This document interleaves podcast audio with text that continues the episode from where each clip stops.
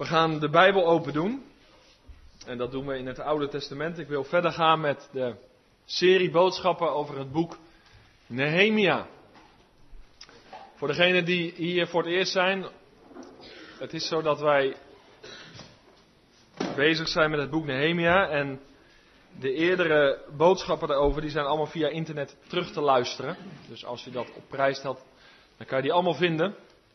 Onder kerkdienst gemist. Daar staan de vier eerdere preken daarover. Vanmorgen hoofdstuk 5 en dat geeft voldoende stof om over na te denken. Nehemia 5. En ik wil je vragen om met mij mee te lezen.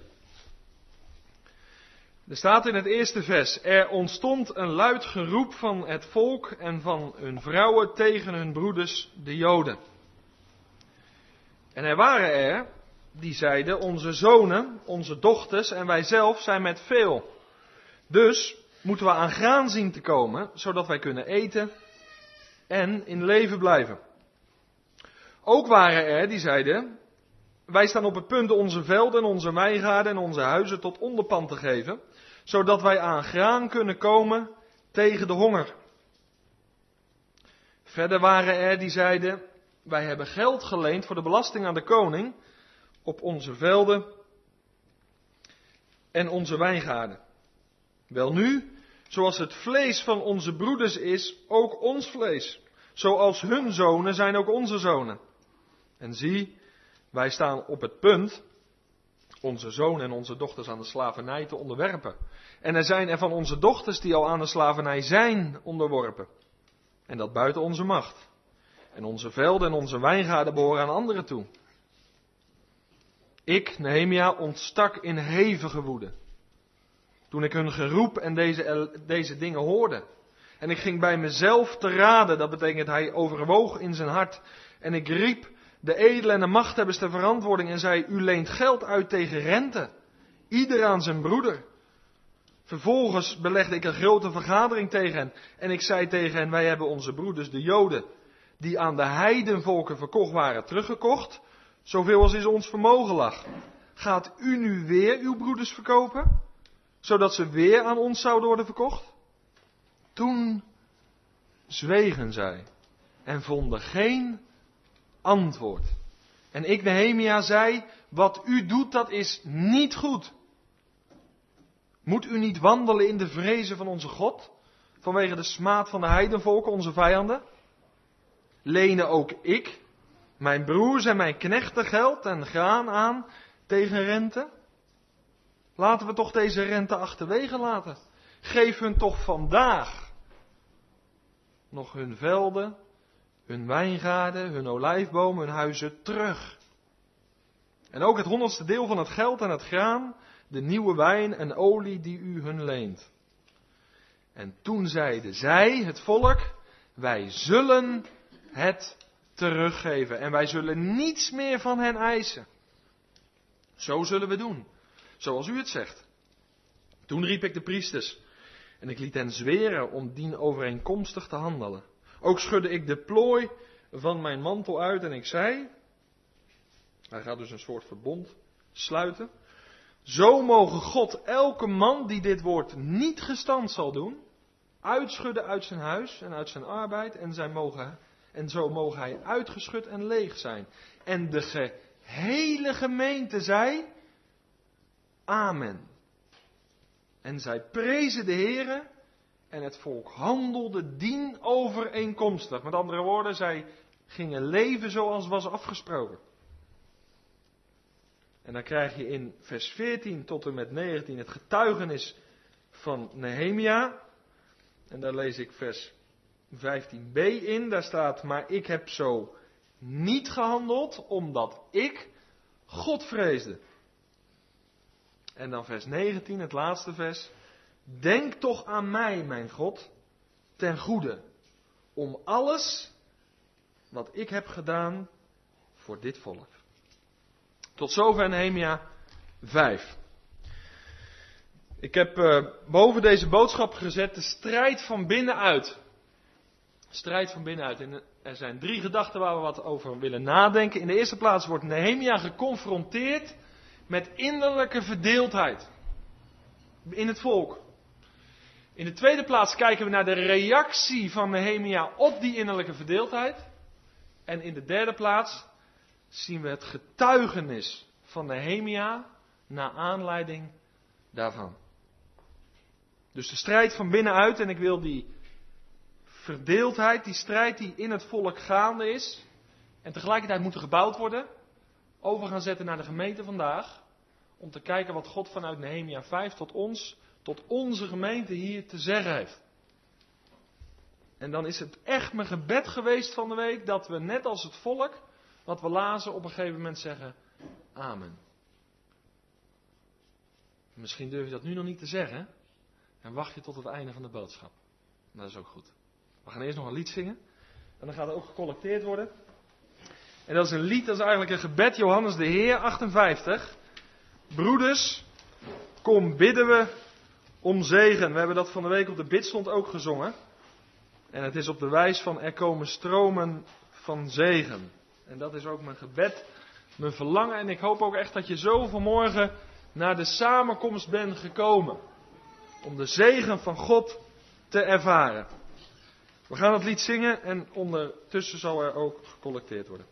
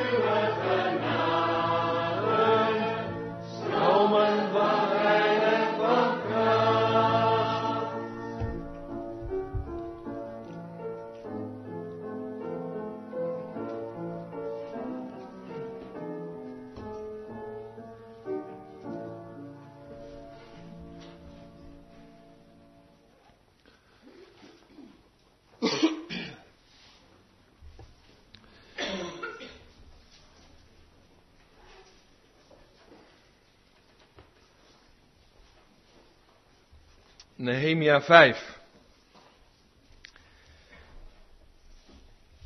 Ik heb de vorige keer gezegd, toen ik sprak over Nehemia 4, dat als er in uw, in jouw leven en als er in de gemeente als geheel sprake is van geestelijke groei, dan is daar als vanzelf moeite en strijd. En dat is niet een keuze of zo, dat de ene christen dat kiest en de andere dat niet heeft. Dat is inherent aan geestelijke groei.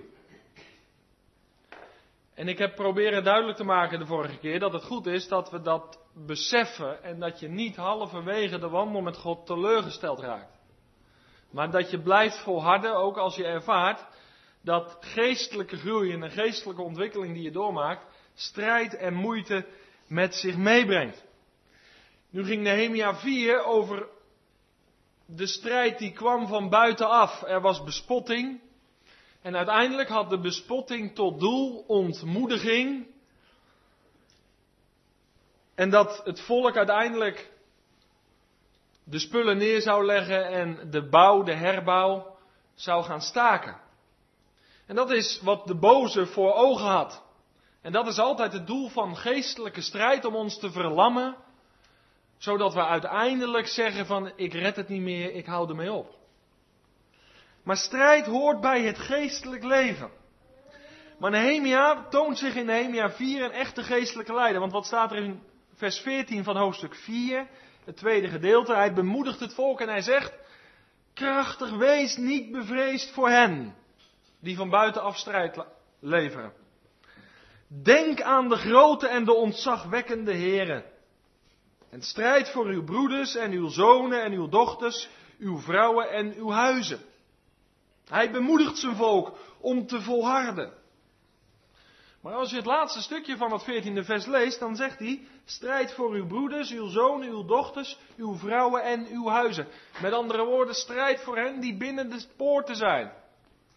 Maar waar dreigt het nu nou net in hoofdstuk 5 mis te gaan? Binnen die poorten. Nehemia had ze bemoedigd, had ze aangespoord en juist in dat laatste deel van vers 14, daar ontstaat nu strijd. Het komt in Nehemia 5 niet van buitenaf, het komt van binnenuit. En daar gaan we vanmorgen over nadenken. Wij kunnen statuten hebben van onze gemeente en we kunnen een visiedocument hebben en we kunnen een beleidenis hebben. En zeggen we, daar staan we voor.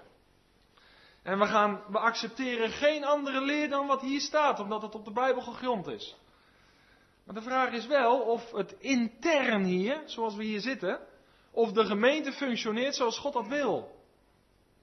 Er zijn heel veel gemeenten waar ik kom, die het qua statuten en reglementen en beleidenissen keurig voor elkaar hebben, maar waar innerlijke verdeeldheid is.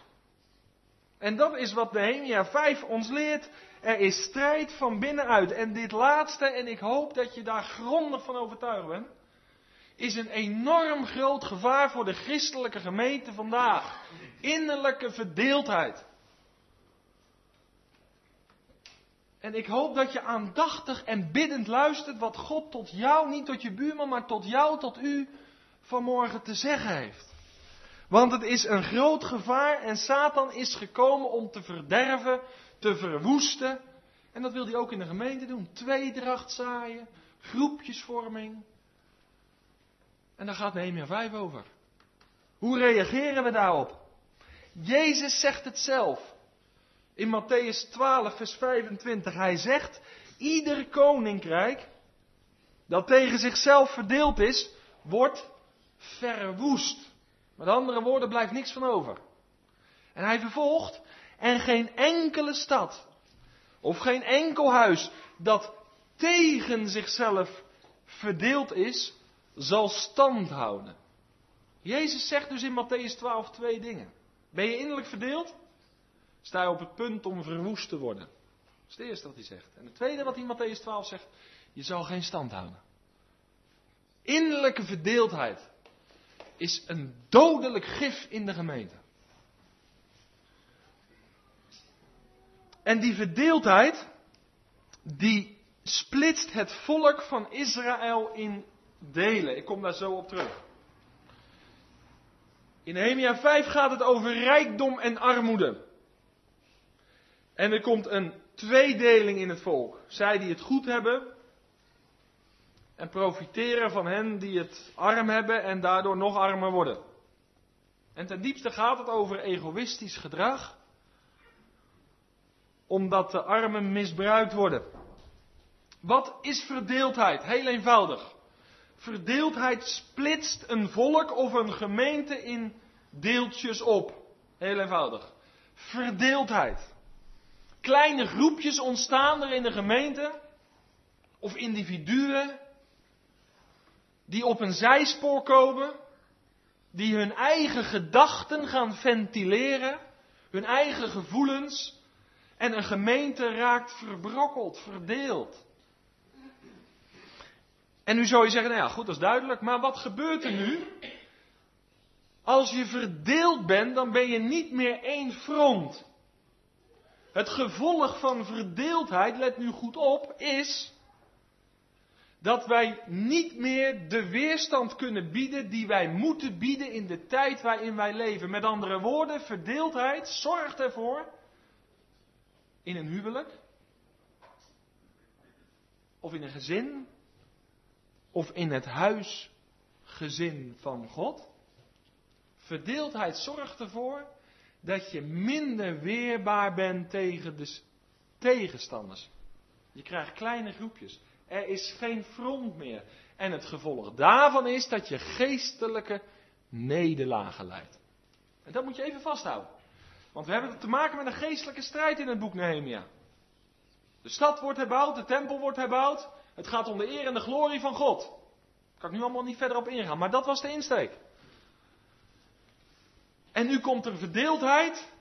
En verdeeldheid zorgt ervoor dat er geen voldoende weerstand geboden kan worden. En als gevolg krijgen we geestelijke nederlagen. Nou heb ik iets heel simpels bij me. Voor de kinderen is dat ook heel duidelijk. Ik heb hier wat potloden bij me. Kan je het een beetje zien? En die potloden, dat zijn allemaal verschillende kleuren. En misschien valt het van achteruit niet zo op, maar ze zijn niet allemaal even lang. Ze zijn allemaal wat anders. De ene is van bruinzeel en de andere is zo, van zo'n merk dat je één keer kleurt en je punt breekt, weet je wel. Dan krijgen je kinderen een cadeautje en dan zijn het van die potloden waar je om de halve minuut hoort, pap, kunt u slijpen. Ze zijn dus niet allemaal hetzelfde, maar het zijn allemaal wel potloden. Ze zijn niet allemaal even groot. Ze zijn niet allemaal dezelfde kleur. Maar ze behoren allemaal tot de categorie potloden met als doel dat je kan tekenen, dat je kan schrijven. Zo is de gemeente ook. Wij zijn niet allemaal hetzelfde. Dat hoeft ook niet.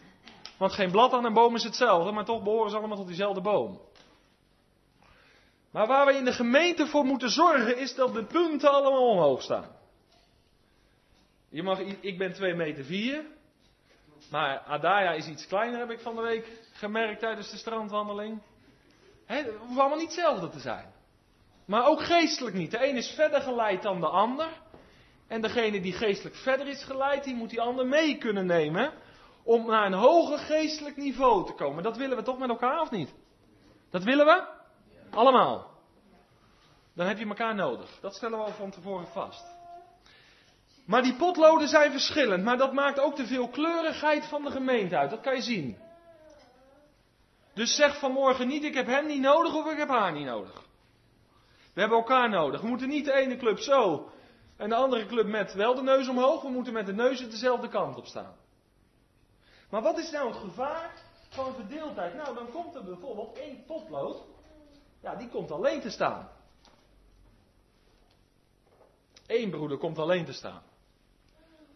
Soms gebeurt dat door de grote groep dat hij alleen komt te staan, maar soms zet hij zichzelf alleen. Door een alternatieve visie, leerstellig, kom ik zo nog op.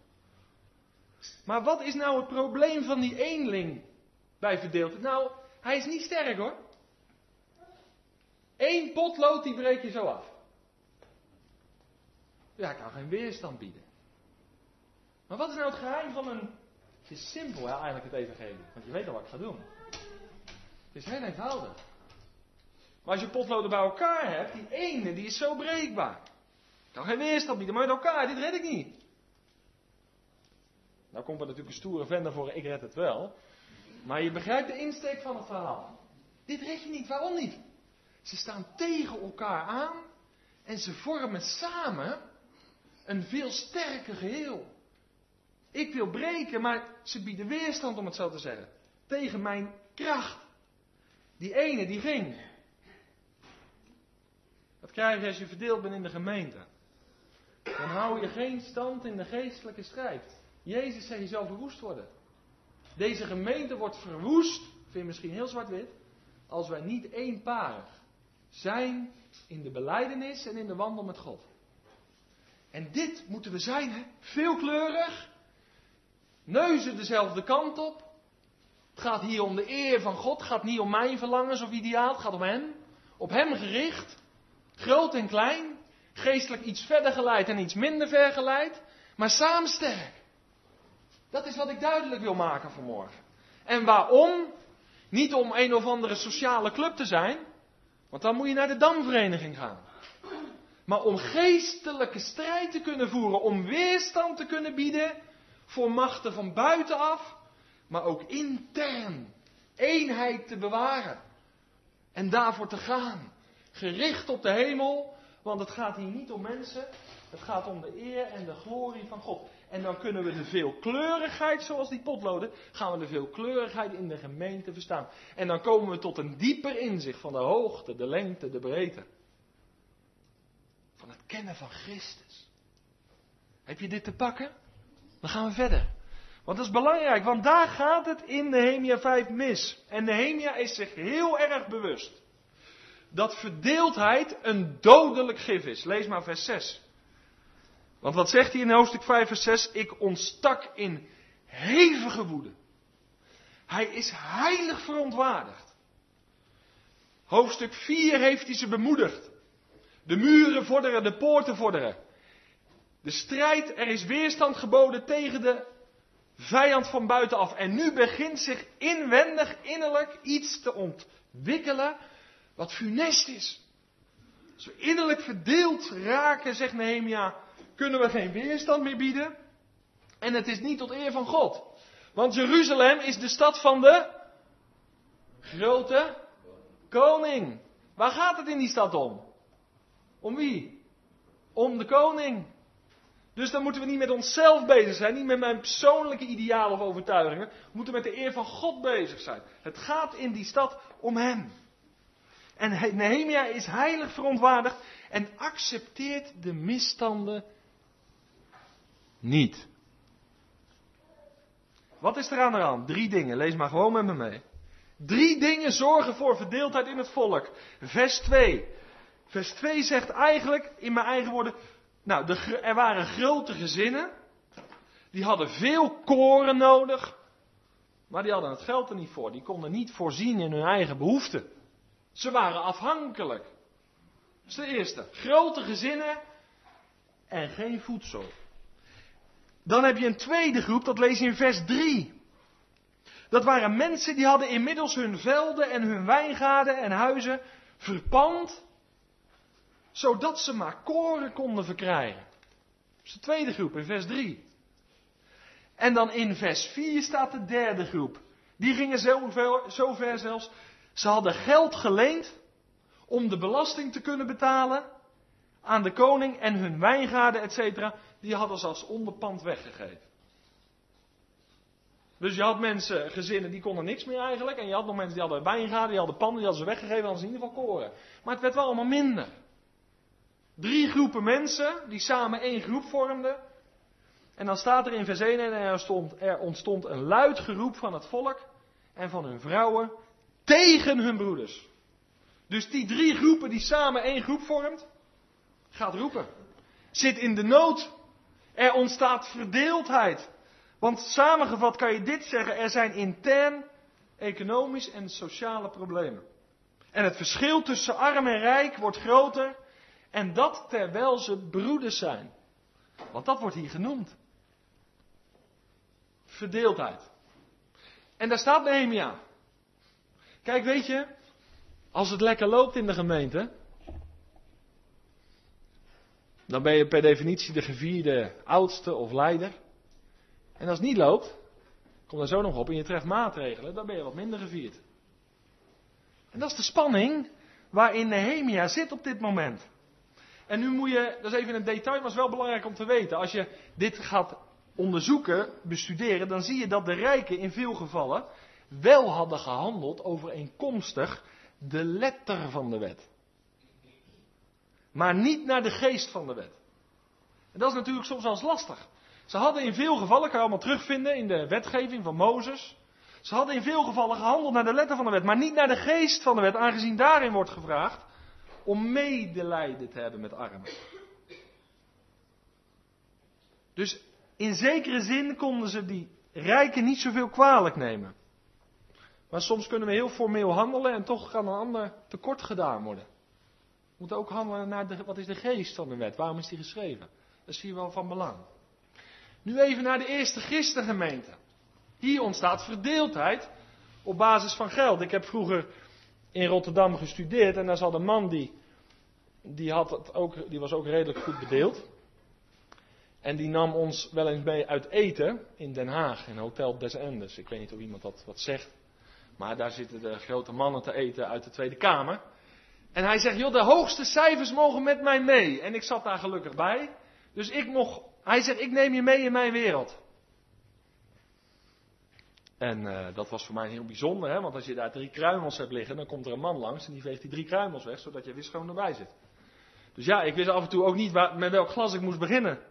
Dus ik om me heen te kijken en welke lepels er vorken, want ja, dat was een, een, een, enorme hoeveelheid spullen lag er om me heen en daar lag ook een stukje zalm en dat was geweldig, maar ik moest ergens beginnen.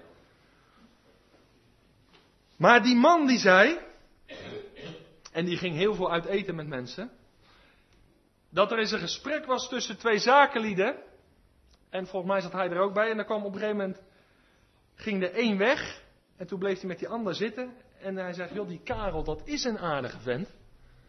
Had een leuk contact gehad, gezellige maaltijd gehad, en toen zei die ene man, hij zei nou, of het echt een aardige vent is, dat kan je pas zeggen als je een erfenis met hem gedeeld hebt. En dan heb ik het over de ongelovige wereld. Maar als het om geld gaat. Ja, als het goed gaat, prima, maar. Als er in de familie iets is, over een erfenis of zo, hele ellendes ben ik tegengekomen. Hele verhalen. En hier gaat het uiteindelijk ook over arm of rijk. Dat verdeelt. Nu moet je dit onthouden. Nou interesseert Satan het totaal niets waardoor verdeeldheid ontstaat. Als het maar ontstaat. En in Nehemia 5 is het rijk en arm. Maar nou wordt het steeds spannender, want nou kom ik dichter bij de gemeente. Het maakt Satan niet uit hoe hier verdeeldheid ontstaat. Als het maar ontstaat. Want hij heeft ook wel gezien dat de laatste jaren. Hé, hey, er is weer wat leven daar. Het groeit weer wat. Ik heb weer werk. En daar komt hij en daar moeten we alert op zijn. Want het interesseert hem niet wat er gebeurt, maar als er maar verdeeldheid ontstaat. En nou, een paar vragen, waar denk je nou dat verdeeldheid door kan ontstaan? We hebben gezien in Nehemia 5 waar het ontstaat, maar waar kan het hier bij ons door ontstaan? Verdeeldheid. Vind je dat vervelend, verdeeldheid? Of heb je eigenlijk wel plezier in? Maar verdeeldheid moet je pijn doen in je ziel. Omdat het gaat om de eer van God. Want die is in het geding bij verdeeldheid. Wat kan verdeeldheid zaaien? Nou, dat kan één leerstellig zijn. Dat kan zijn dat iemand uiteindelijk leert dat er nog wel meer wegen naar de Vader leiden. En dat het op basis van werken of misschien wel zover dat uiteindelijk iedereen behouden zal worden. De leer van de alverzoening. Komt uiteindelijk met iedereen goed. En als we dat gaan ventileren, dan ontstaat er verdeeldheid. Het is van belang dat je leerstellig ook altijd toetst, ook wat ik vanmorgen zeg, of het waar is. Of als het gaat bijvoorbeeld om de leer over de hel en de hemel. Is dat nou een realiteit of niet? Nou, heel veel mensen vandaag die zeggen, ja, de hemel is wel een realiteit, maar dood is dood. En als je dan dood bent, dan geloof ik dat de meesten naar de hemel gaan, maar de hel, nee. Men gelooft niet meer in het letterlijke bestaan van de hel. En dan heb ik het nog ineens over de eeuwige toestand van de hel. En er komen mensen binnen die leren dat. En er is verdeeldheid. Je krijgt groepsvorming. En dan over de maagdelijke geboorte van de Heer Jezus. Als ik dominee Hendriksen moet geloven, dan is dat allemaal onzin. Maar je schrikt ervan hoeveel mensen leerstellig niet meer weten wat Bijbels is. En zeggen, ja, het is zo fijn in de gemeente. We hebben zo fijn contact met elkaar. En ze weten niet meer wat de waarheid is en er komt een leugen binnen. En iemand die voelt dat hij grond heeft om de leugen aan de man te brengen, zorgt voor verdeeldheid. Leerstellig. En dan, heel gevoelig vandaag de dag, de positie van de vrouw in de gemeente. Hoe denk je daarover? Vrouw en man gelijkwaardig, maar vrouw en man een andere taak gegeven door God. Een andere bediening gegeven. Wil je daar onderbuigen? Of wil je als vrouw doorgaan? Het is natuurlijk dwaas wat er op dit moment met de SGP gebeurt. Dat je intern als politieke partij niet meer mag bepalen hoe jij je, je lijst samenstelt voor de verkiezingen, je kandidatenlijst. Dat er van bovenaf opgelegd wordt wat jij moet gaan doen binnen een partij, binnen een democratie. Waarom? Omdat dit punt, de positie van de vrouw, en ik hoop dat je enthousiast blijft luisteren nu, omdat die ter discussie wordt gesteld. Terwijl het voor een vrouw een eer is. Spreuken 31 moet je als vrouw vanmiddag maar lezen. Om God te dienen. Met die dingen die hij juist voor jou heeft weggelegd en niet voor mij. Is toch heerlijk? Iets bijzonders voor je. Dan moet je gaan oppakken. Dan moet je gaan leven, dan moet je van gaan genieten. Maar dat eindeloze streven naar gelijke rechten. Dat is een antichristelijke geest. En als het gaat om de bijbelse waarheden met betrekking tot huwelijk en echtscheiding, tot hertrouwen, het brengt verdeeldheid in de gemeenten. En we passen de waarheden aan aan de situatie waarin ik mij bevind. Want ja, voel je? Het brengt verdeeldheid. Als wij onze visies erop nahouden, onze wensen en onze verlangens. En als het gaat om seks voor het huwelijk, het is schrikbarend.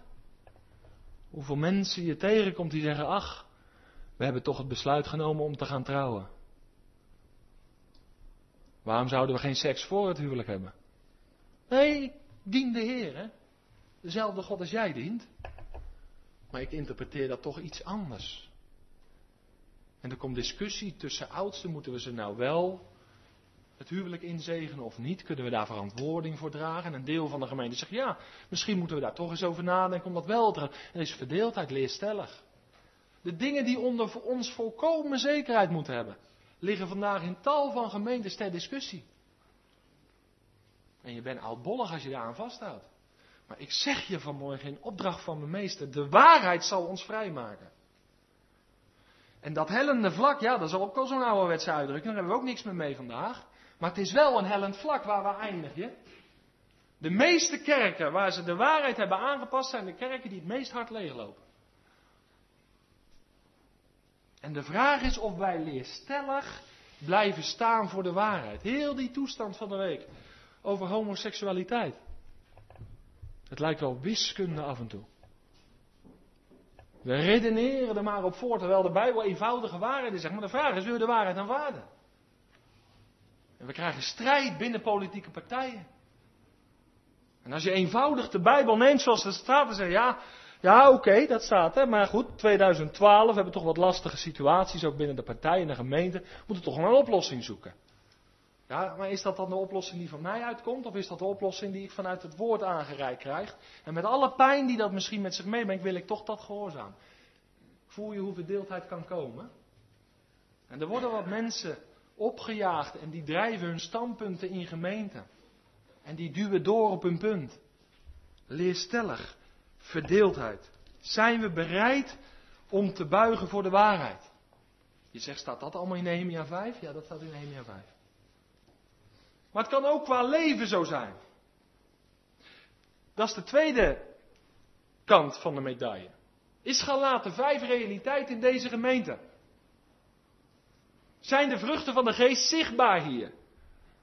Of zeg je van ja, ik beleid wel een christen te zijn, maar ik leef als een heiden zonder God. Nou, dan zaai je verdeeldheid in de gemeente. Dan kan het zelfs zo zijn dat jouw zondige levenswandel er zorg voor draagt dat God in de gemeente niet verder kan. Hoor je dit? Dus jouw wandel is niet zomaar om het even. Jij bent een, misschien wel een verhindering of u dat, er, dat God niet doorwerkt in de gemeente en dat er verdeeldheid ontstaat. Is er in ons leven echte liefde? Wordt deze gemeente gekenmerkt door de liefde? Niet de liefde ten koste van waarheid, maar de liefde is de waarheid. Is er echte blijdschap en vrede hier? Is er vriendelijkheid en goedheid? Mag ik eens vragen, we hebben binnenkort een barbecue. Maar kennen we elkaar allemaal wel? Althans doen we ons best om elkaar te leren kennen. Of voelt iemand zich toch wat achtergesteld? Hebben we aandacht voor die, want ja, die denkt hetzelfde als ik. Of proberen we toch die ander, die misschien iets anders ligt als mij, erbij te betrekken? Waarom? Nou, ik wil niet dat Nehemia 5 de praktijk wordt van het leven in de baptistengemeente aan de plantageweg.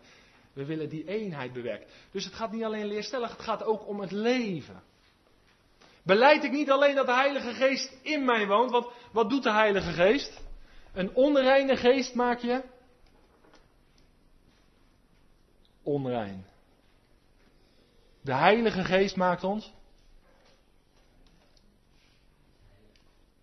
Wat? Ik hoor het niet goed.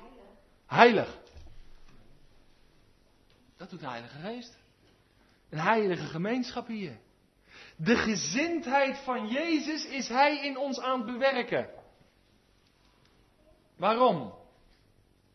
Opdat Galaten 5 vers 22 niet alleen iets wordt van wat op de muur staat of zo.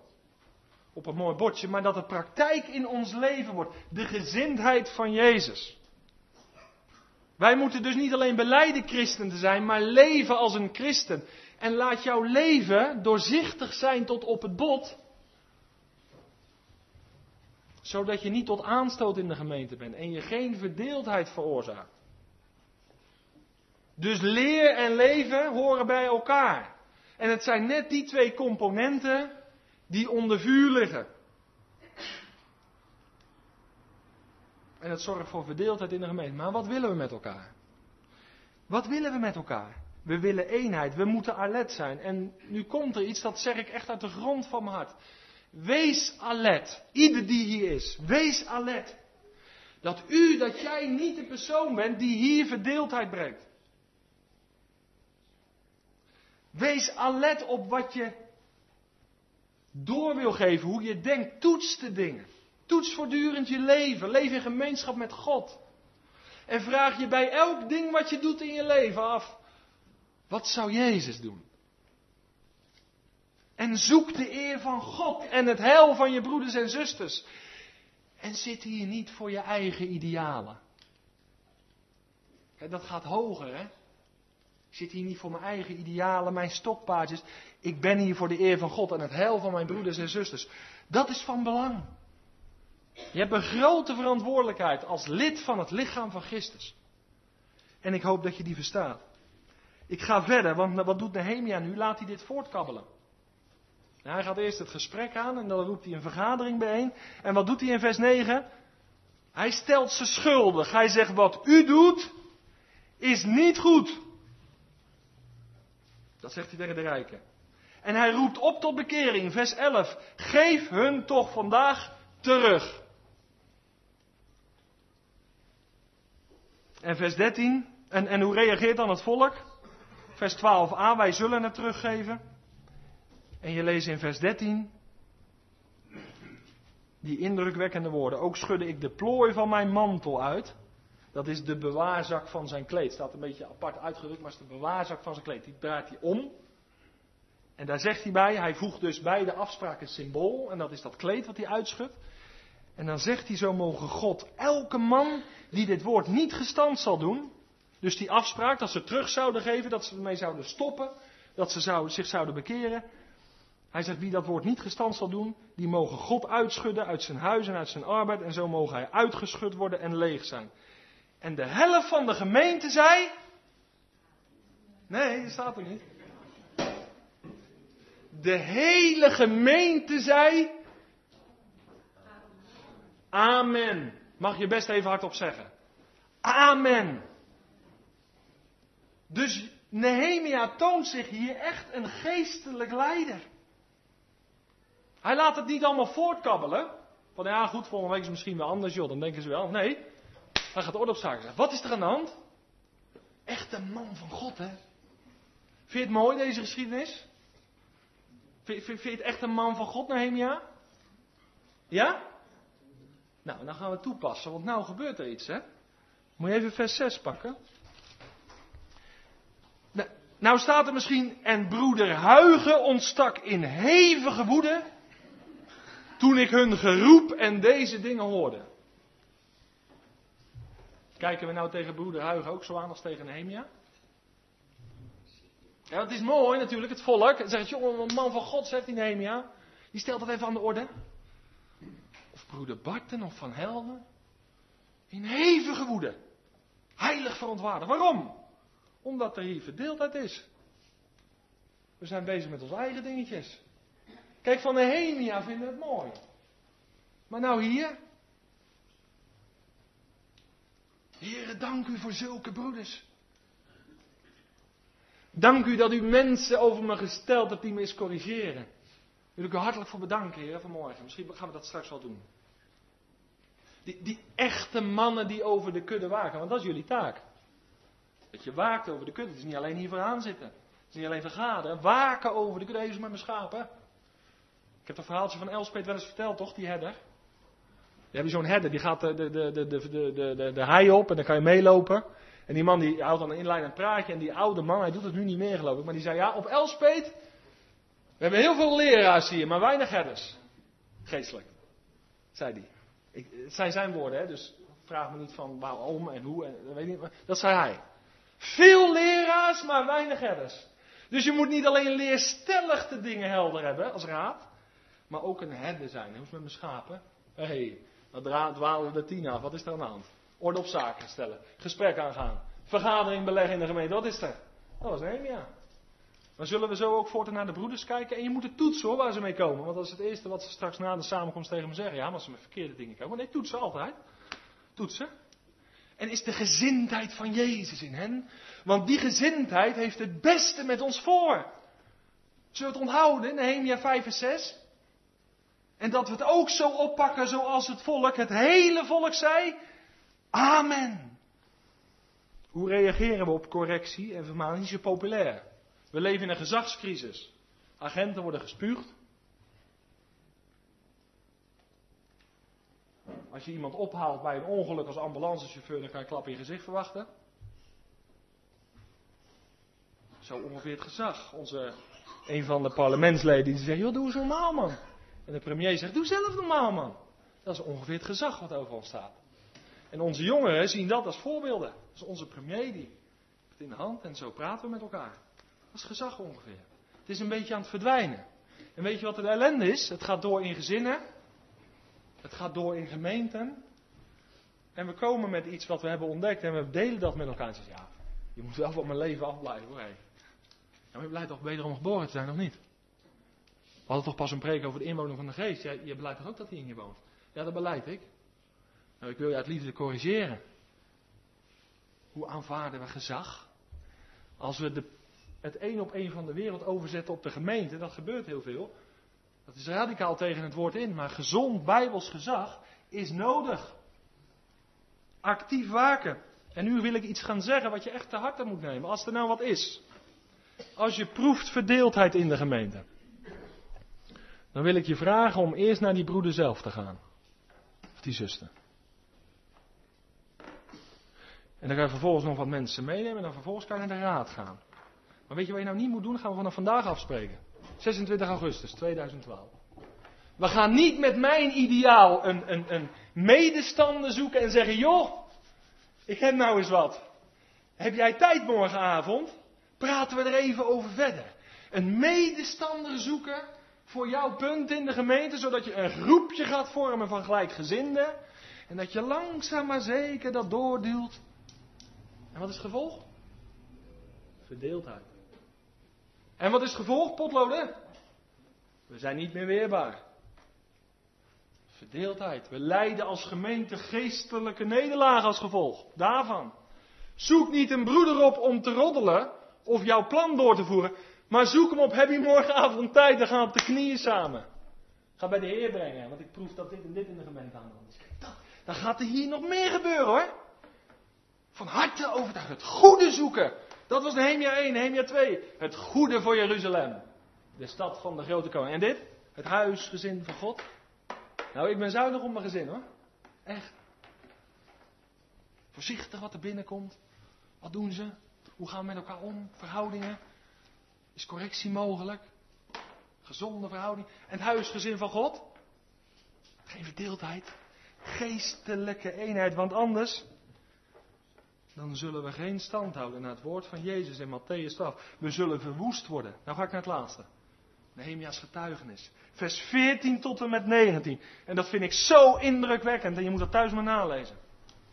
Want Nehemia zegt niet alleen hoe de dingen zijn, zijn leven als geestelijk leider is ook een voorbeeld. Nehemia is een man die is doorzichtig tot op het bot. Kijk, en dan kan je iets zeggen.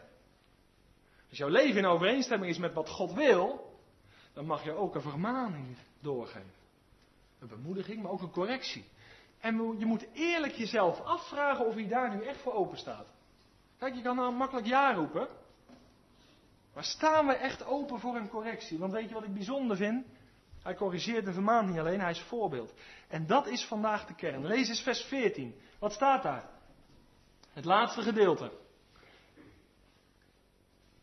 Daar staat, hebben ik en mijn broeders het brood bestemd voor de landvoogd niet gegeten. Dus het brood wat hij gekregen had, wat de landvoogd gekregen had, heeft hij, hij niet ingenomen. Heeft hij niet van gegeten. Het was voor hem bestemd. En dan vervolgens, vers 17, de Joden en de machthebbers, 150 mannen zij die naar ons toegekomen waren uit de heidevolken, die zich rondom ons bevinden, aten aan mijn tafel. Hij heeft zich opengesteld voor anderen. Mooi hè? Hij heeft niet gezeten als spullen die bij een ander toe behoorden. Heeft zijn eigen huis opengesteld en zegt, kom aan mijn tafel eten. En dan vers 18, het tweede gedeelte. En bovendien eiste ik niet het brood bestemd voor de landvoogd, want de dienstbaarheid drukte zwaar op dit volk. Had het belang van het volk op het oog. Zie je dat? Hoe hij erin stond. Nehemia geeft getuigenis hoe hij zich gedragen heeft. En van daaruit zegt hij, dit is mijn getuigenis. En hij zegt, wat is nou het geheim van Nehemia? En ik luister nog even aandachtig. Wat is nu het geheim van Nehemia? Hij was in de eerste plaats een man van gebed, hebben we gezien. Maar wat zegt hij? En ik heb het geel gemaakt en roze omstreept in mijn Bijbel. En ik denk dat je het weet, vers 15, het laatste gedeelte. Maar ik heb zo niet gehandeld, omdat ik God vreesde. Weet je waar we behoefte aan hebben? Aan Godvrezende mensen vandaag. Wat is dat? Wat is Gods vrezen? Dat is dat ik ontzag en eerbied heb voor God. En heel veel problemen in de gemeente, luister goed, heel veel problemen in de gemeente komen hier vandaan. Dat ik uiteindelijk mijn eigen ik een plekje wil geven. Mijn idealen, mijn ideeën, mijn verlangens. En het gaat niet meer om de eer van hem, het gaat om de eer van mij. En dat mijn recht wordt gedaan. Maar Nehemia zegt, wil het geheim weten van mijn leven? Wil het geheim weten? Niet als kennisgeving, maar Nehemia vertelt er, want ik wil ook zo leven. Zoals jij. Ik zag het, ik vrees God. Ik vrees God. Ik heb een heilig ontzag en eerbied voor de eeuwige. Die mij gemaakt heeft. En wiens lichaam ik ben. Kijk, dan komt het in een ander daglicht te staan. Hè? Het gaat om de eer van hem. De vrezen des Heren is het hebben van ontzag en eerbied voor God. En Psalm 111 zegt dit. Daar sluit ik mee af. De vrezen des Heren is het beginsel van wijsheid. En allen die ernaar handelen, hebben goed inzicht. En zijn lof houdt voor eeuwig stand. De vrezen des Heren. Ouderwetse uitdrukking, hè? Vind je het niet ouderwets een beetje? Vrezen des Heren.